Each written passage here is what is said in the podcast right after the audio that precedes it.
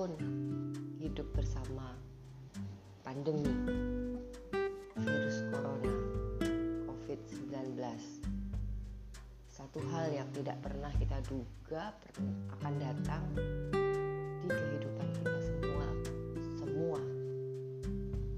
Sedunia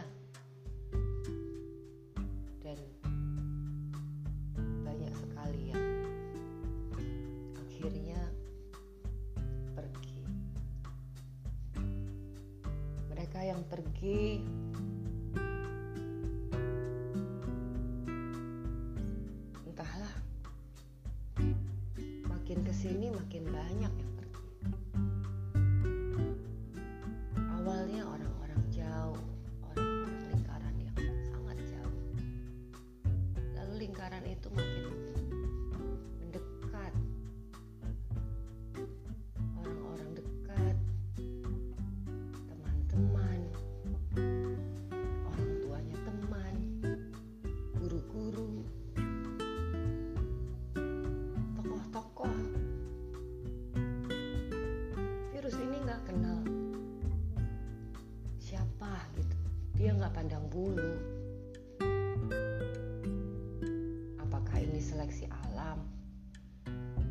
kategori yang diseleksi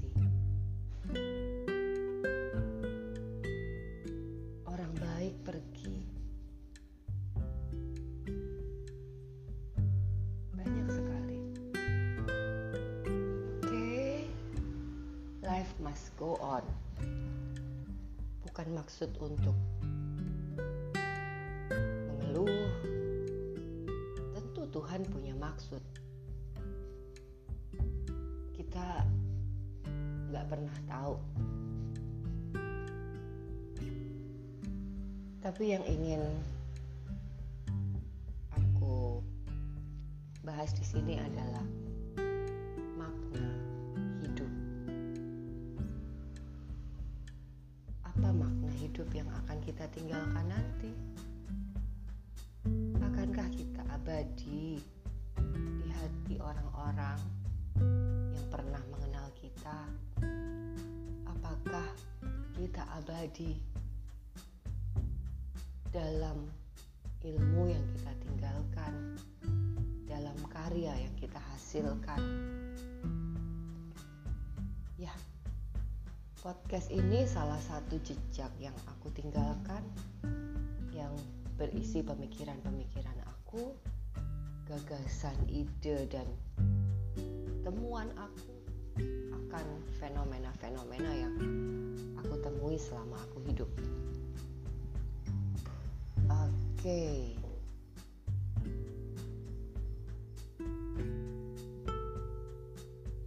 Mereka yang pergi contohnya kemarin rame banget di sosial media, di Facebook, di Instagram bicara tentang Darman. Darman adalah tukang kerupuk, tukang jual rokok di kampus kami di Visip UNER. Dia ada entah sejak kapan, yang pasti 95 1995 maksudnya ya. Ketika aku S1 di sana, dia sudah ada. Orang yang sederhana, dia bawa bawa pikulan ya. Dia bawa pikulan yang di dalam pikulannya itu satu sisi yang di depan isinya berbagai macam kerupuk dan cemilan kerupuk upil kacang makaroni goreng dan teman-temannya itulah di satu sisi plastik yang di belakang pikulan itu isinya berbagai macam berbagai merek rokok. Bisa dilihat secara sepintas ya dia orang biasa tapi ternyata dia tidak biasa di hati banyak mahasiswa yang dari entah dari angkatan berapa sampai terakhir kemarin sebelum pandemi semua mengenal Darman dengan sangat baik dan bukan hanya mengenal Darman mampir ke hati mereka. Itu makna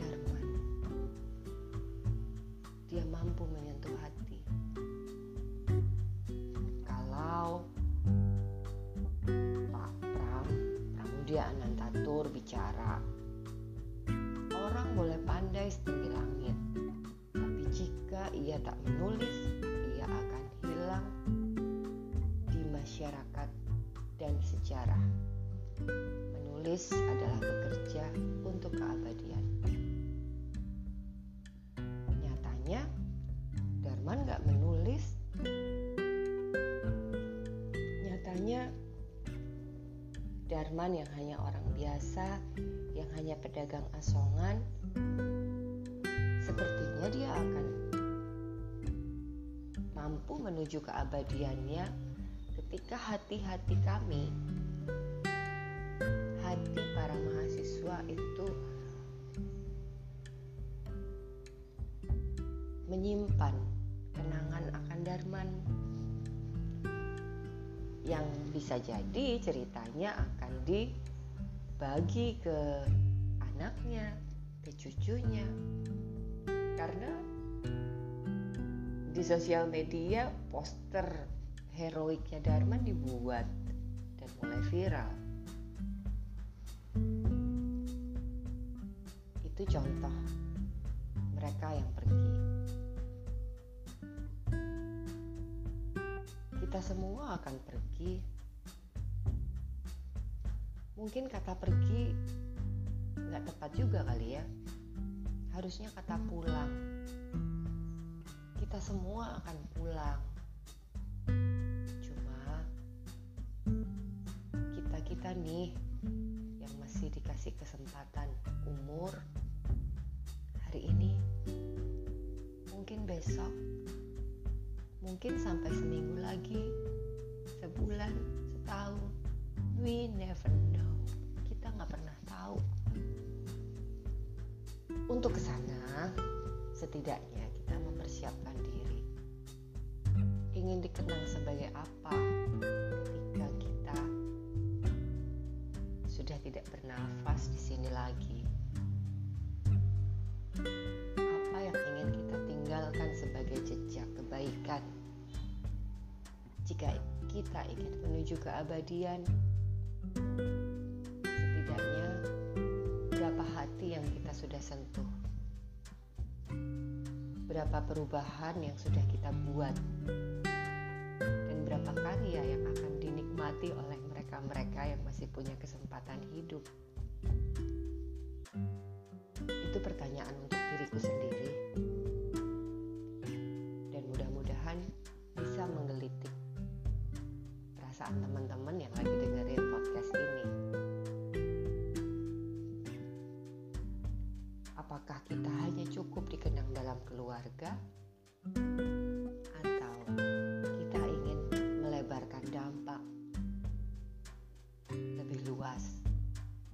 luas lagi, lebih luas lagi? Itu pilihan kita masing-masing. Kalau aku, aku ingin berarti besar. Aku ingin memberi arti banyak. Dan aku ingin member- memberi makna pada dunia. Setidaknya pada negeriku Indonesia. Heroes Project,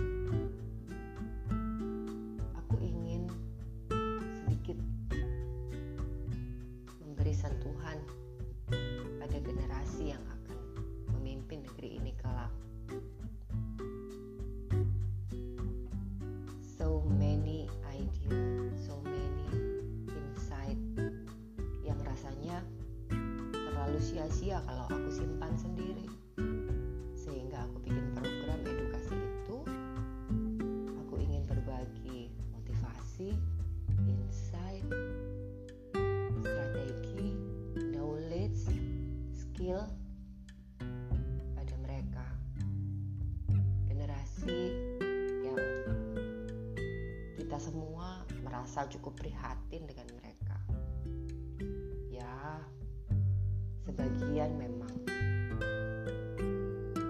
dianggap generasi instan generasi yang tidak menghargai proses generasi yang cengeng yang rentan yang nggak punya daya juang kita nggak bisa nyalahin itu sih kitanya nih yang sebagai orang harus memahami mereka cara yang tepat untuk menyentuh mereka. Itu upaya aku untuk menjadi abadi. Hasilnya aku nggak pernah tahu. Tapi paling enggak aku pengen ngomong sama teman-teman yang ada di sini. Kita nggak pernah tahu umur kita akan berakhir kapan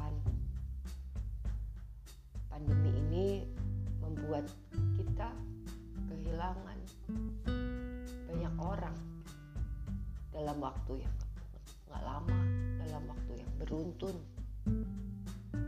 Menyakitkan, iya menyakitkan. Tapi kita nggak boleh terpuruk, kita nggak bisa hanya berkeluh kesah. No, ada yang bisa kita perbuat setidaknya perbuatan yang ada dalam ranah wilayah kita kewenangan kita. Ya kita diri kita lah. Apa yang ingin kita tinggalkan ketika kita akan pulang besok? Podcast kedua ini kayaknya sendu banget ya. Tetap semangat teman-teman. Banyak yang masih bisa kita perbuat. Kita memberikan arti bagi mereka yang akan tetap hidup. Semoga pagi ini kita punya semangat yang besar untuk berkarya di hari ini. Oke okay, see you. Kembali bersama Moon di next episode. Bye bye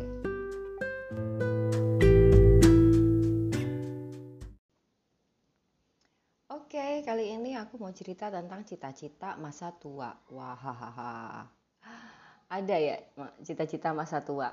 Ada, nih dia. Jadi gini, aku sama suami ini tergolong orang yang jarang jalan-jalan. Kasihan deh ya. Gimana kalau mau jalan-jalan mesti sama anak empat dan itu pun nggak bisa sering-sering kan? Karena biaya untuk jalan berenam itu harus disiapkan dulu. Ya setahun ada beberapa kali lah kita jalan berenam. Nah kalau kita jalan berdua, aku sama suami nih nggak tega. Suami yang suka nggak tega ninggalin anak-anak. Tapi akhirnya aku punya satu cita-cita bahwa someday anak-anak gede mereka yang akan ninggalin kita untuk jalan di jalan mereka sendiri gitu kan. Nah, dari situ muncullah satu cita-cita aku dan suami akan jalan-jalan di masa tua kami nanti. Ya nggak tua-tua banget lah ya. Ketika anak-anak udah bisa mandiri, jadi yang kecil juga udah bisa ditinggal gitu. Tapi jalan-jalannya kita ini jalan-jalan kerja, kerja tapi jalan, jalan tapi happy, happy tapi main gitu. ya maksudnya gini. Aku sama suami itu kan orang film ya. Kami dua-duanya sineas. Kalau aku uh, spesifikasinya lebih ke konseptor karena aku seorang penulis skenario. Aku punya banyak gagasan ide wawasan yang bisa dibikin dalam sebuah konsep cerita maupun uh, film gitu ya. Kemudian uh, suami spesifikasinya lebih kepada teknis sinemat sinematografi. Jadi dia bicara tentang framing, coloring, komposisi, gambar lah intinya ya. Dia yang bisa eksekusi kalau aku dari konsep gambar ya oke aku ngerti aku pengen gambarnya colornya begini, eh, moodnya begini, tapi yang bisa eksekusi dia. Nah saling melengkapi gitu ya. Terus Cita-citanya adalah kami ingin jadi uh, dokumentaris di masa tua kami. Sementara sebelumnya kami ini di film cerita gitu. Jadi kalau kita bicara film kan dia dibagi di dua kategori. Kategori film cerita dan kategori film non cerita atau dokumenter. Nah, kalau film cerita kita udah uh, lalui sekian belas tahun. Sekian belas tahun atau sekian puluh tahun ya. udah lama banget kita um, mainnya di film cerita. Kalau film dokumenter kita hanya beberapa kali. Sedikit sekali dan itu pun by order gitu ya. Ada yang order kita kerjain. Nah, yang berbeda sama cita-cita masa tua kami adalah kok kami sih? Jangan-jangan ini bukan cita-cita dia, dia suamiku maksudnya. Cita-cita aku. Tapi rasanya dia setuju kok. Jadi, yang berbeda adalah kita akan explore. Eh, kami akan explore banyak hal di Indonesia yang uh, akan menjadi sebuah produk film dokumenter yang dari situ kita uh, dapat pemasukan saldo kami bertambah tapi kaminya jalan-jalan uh, gitu. Bahkan ekstrimnya nih ekstrimnya di cita-cita itu nanti aku tuh berpikir untuk tidak ingin punya rumah. Aku tidak berpikir untuk punya barang banyak. Karena kami akan akan terlalu berat membawa banyak beban. Jadi oke okay, kita cukup punya laptop yang bisa ngedit spek tertinggi. Kita punya kamera yang bisa mengcover kebutuhan pekerjaan kita. Kita punya tenda yang jika kita berada di satu tempat yang tidak ada hotel kita bisa hmm, tidur di dalam tenda kita ada mobil udah. Gitu aja. Yang ya gitu. Pengennya begitu. Jadi uh, I hope mimpi itu tidak lama lagi akan terwujud. Jadi kami akan berkarya lewat hobi kami, lewat talenta kami. Kami ingin uh, happy di masa tua, tidak terbebani oleh hisap harta gitu ya karena uh, kami bermaksud untuk nomaden.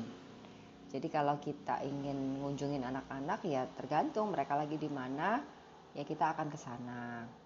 Atau di akhir tahun atau pas lebaran kita kumpul di kota mana yuk berangkat bareng.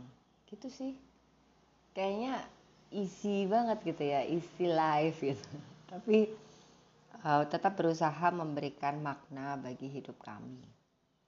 Itu aja yang aku mau share dan bagaimana dengan cita-cita masa tua teman-teman sekalian? Dirancang sudah atau belum? See you!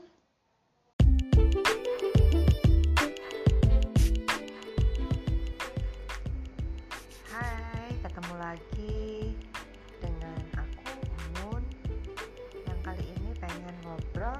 tentang istilah yang suka salah kaprah. Nggak salah kaprah juga sih cuman menurut aku nggak pas aja. Jadi kita sering dengar kata-kata take and give. Juga ada kata-kata hak dan kewajiban. Itu dua kata yang kalau digabung urutan yang umum kita dengar seperti itu. Tapi kalau dipikir-pikir nih, dipikir-pikir ya, dan menurut banyak uh, teori yang kemudian aku dapatkan, pengalaman yang aku jalani, nggak begitu ternyata. Lucu ya, take and give ambil dulu baru memberi. Nggak begitu. Jadi kita beri dulu baru kita ambil. Tuh begitu juga dengan hak dan kewajiban. Eits haknya antar dulu. Kewajiban duluan dong. Gitu. Jadi contohnya nih gini. Dari beberapa buku yang aku baca salah satunya itu buku-buku NLP gitu ya. Bagaimana kita bisa mempengaruhi orang lain untuk menjadi influencer atau untuk uh, melakukan teknik selling gitu ya penjualan. Itu bukan take and give loh tapi give and take. Jadi kita beri dulu apa sih yang sekiranya dibutuhkan oleh orang-orang yang ingin kita pengaruhi itu kalau menurut buku itu ya. Tapi kalau uh, secara umum kita berikan dulu kontribusi kita pada sekitar pada orang-orang yang ada di lingkungan atau di lingkaran uh, dalam kita dulu gitu ya. Setelah itu baru kita akan mengambil benefit dari itu. Benefit itu bukan berarti kita nggak ikhlas ya tapi secara hukum alam ya memang memang demikian. Cara kerjanya tuh begitu semesta itu cara kerjanya begitu jadi ketika kita memberi itu sama dengan kita sedang mengambil peluang untuk mendapatkan. Mendapatkan apa? Nah, apanya itu nggak spesifik sih. Yang pasti kebaikan. Kalau kita memberi kebaikan, maka benefitnya adalah kebaikan itu akan berbalik pada kita. Apakah itu secara langsung dari orang yang bersinggungan dengan apa yang kita berikan tadi, bisa juga dari uh, mana-mana gitu, dari orang lain, dari lingkaran lain, dari pihak-pihak yang justru kita tidak menduga. Tapi percaya deh, memang semesta itu bekerja dengan cara demikian. Jadi hati-hati dengan istilah yang sudah beredar secara umum dan dikenal dengan uh, pakemnya seperti itu, seperti take and give. No, no, no, bukan begitu. Give and take, gitu. Jadi kalau kita mau mengambil sebuah uh, benefit atau manfaat dari apa yang kita butuhkan, kita harus memberikan dulu kontribusi kita sebagai anak, sebagai ibu, sebagai teman, sebagai istri atau suami, sebagai murid, sebagai apa pun peran kita selama kita hidup, kita memberikan kontribusi harusnya lebih dari yang wajar. Kalau kita mau mengambil lebih banyak manfaat untuk kita gunakan dalam kehidupan kita dalam langkah-langkah kita menggapai uh, cita-cita kita, big dream kita. Jadi, jangan takut memberi, jangan takut lelah ketika berkontribusi karena percayalah, hukum alam atau hukum semesta itu begitu. Di kitab suci ya di Al-Quran ketika kita sedekah satu bulir tadi maka akan dibalas 700 kali lipat. Nah yang kayak gitu-gitu tuh kalau saya muslim di kitab suci yang lain saya belum mempelajari tapi saya percaya bahwa uh, kebaikan yang kita berikan sebagai bentuk kontribusi kita ya dalam peran kita yang bermacam-macam. Satu orang pasti punya peran dalam kehidupannya uh, banyak sekali. Sebagai pegawai kah, sebagai tetangga kah, sebagai sahabat, apa pun peran kita, berikan kontribusi kita yang tidak wajar. Jangan yang biasa-biasa aja. Kalau kita mau mendapatkan banyak sekali manfaat dari sekeliling kita. Nah, begitu juga dengan hak dan kewajiban ya, aku pikir sama aja ya. Kewajiban aja dulu kita tunaikan. Hak kita itu dengan sendirinya akan hadir gitu ya. Dan bicara tentang hak, eh, kita harus paham seberapa jauh hak kita dan harus berani juga ketika hak kita terlanggar kita harus berani juga untuk memperjuangkan hak kita sebagai warga negara sebagai murid, sebagai warga dalam uh, lingkungan rumah, apa pun itu kita harus paham hak kita dan kita harus berani bersuara untuk memperjuangkan hak kita ketika dilanggar. Tapi kewajiban dahulukan karena uh, ya lucu aja kita mau memperjuangkan hak tapi kewajiban kita kita tidak lakukan. Konyol jatuhnya ntar jadi konyol. Oke sharing hari ini nggak banyak-banyak. Mudah-mudahan ini bisa jadi satu uh, apa ya satu pencerahan lah buat kita semua bahwa ternyata idiom-idiom yang ada di uh, sekitar kita dan itu terdengar umum perlu juga kita kritisi kebenarannya dalam aplikasi sehari-hari. Take and give, oh no, ternyata give and then you take a lot of benefit from it. Okay, see you.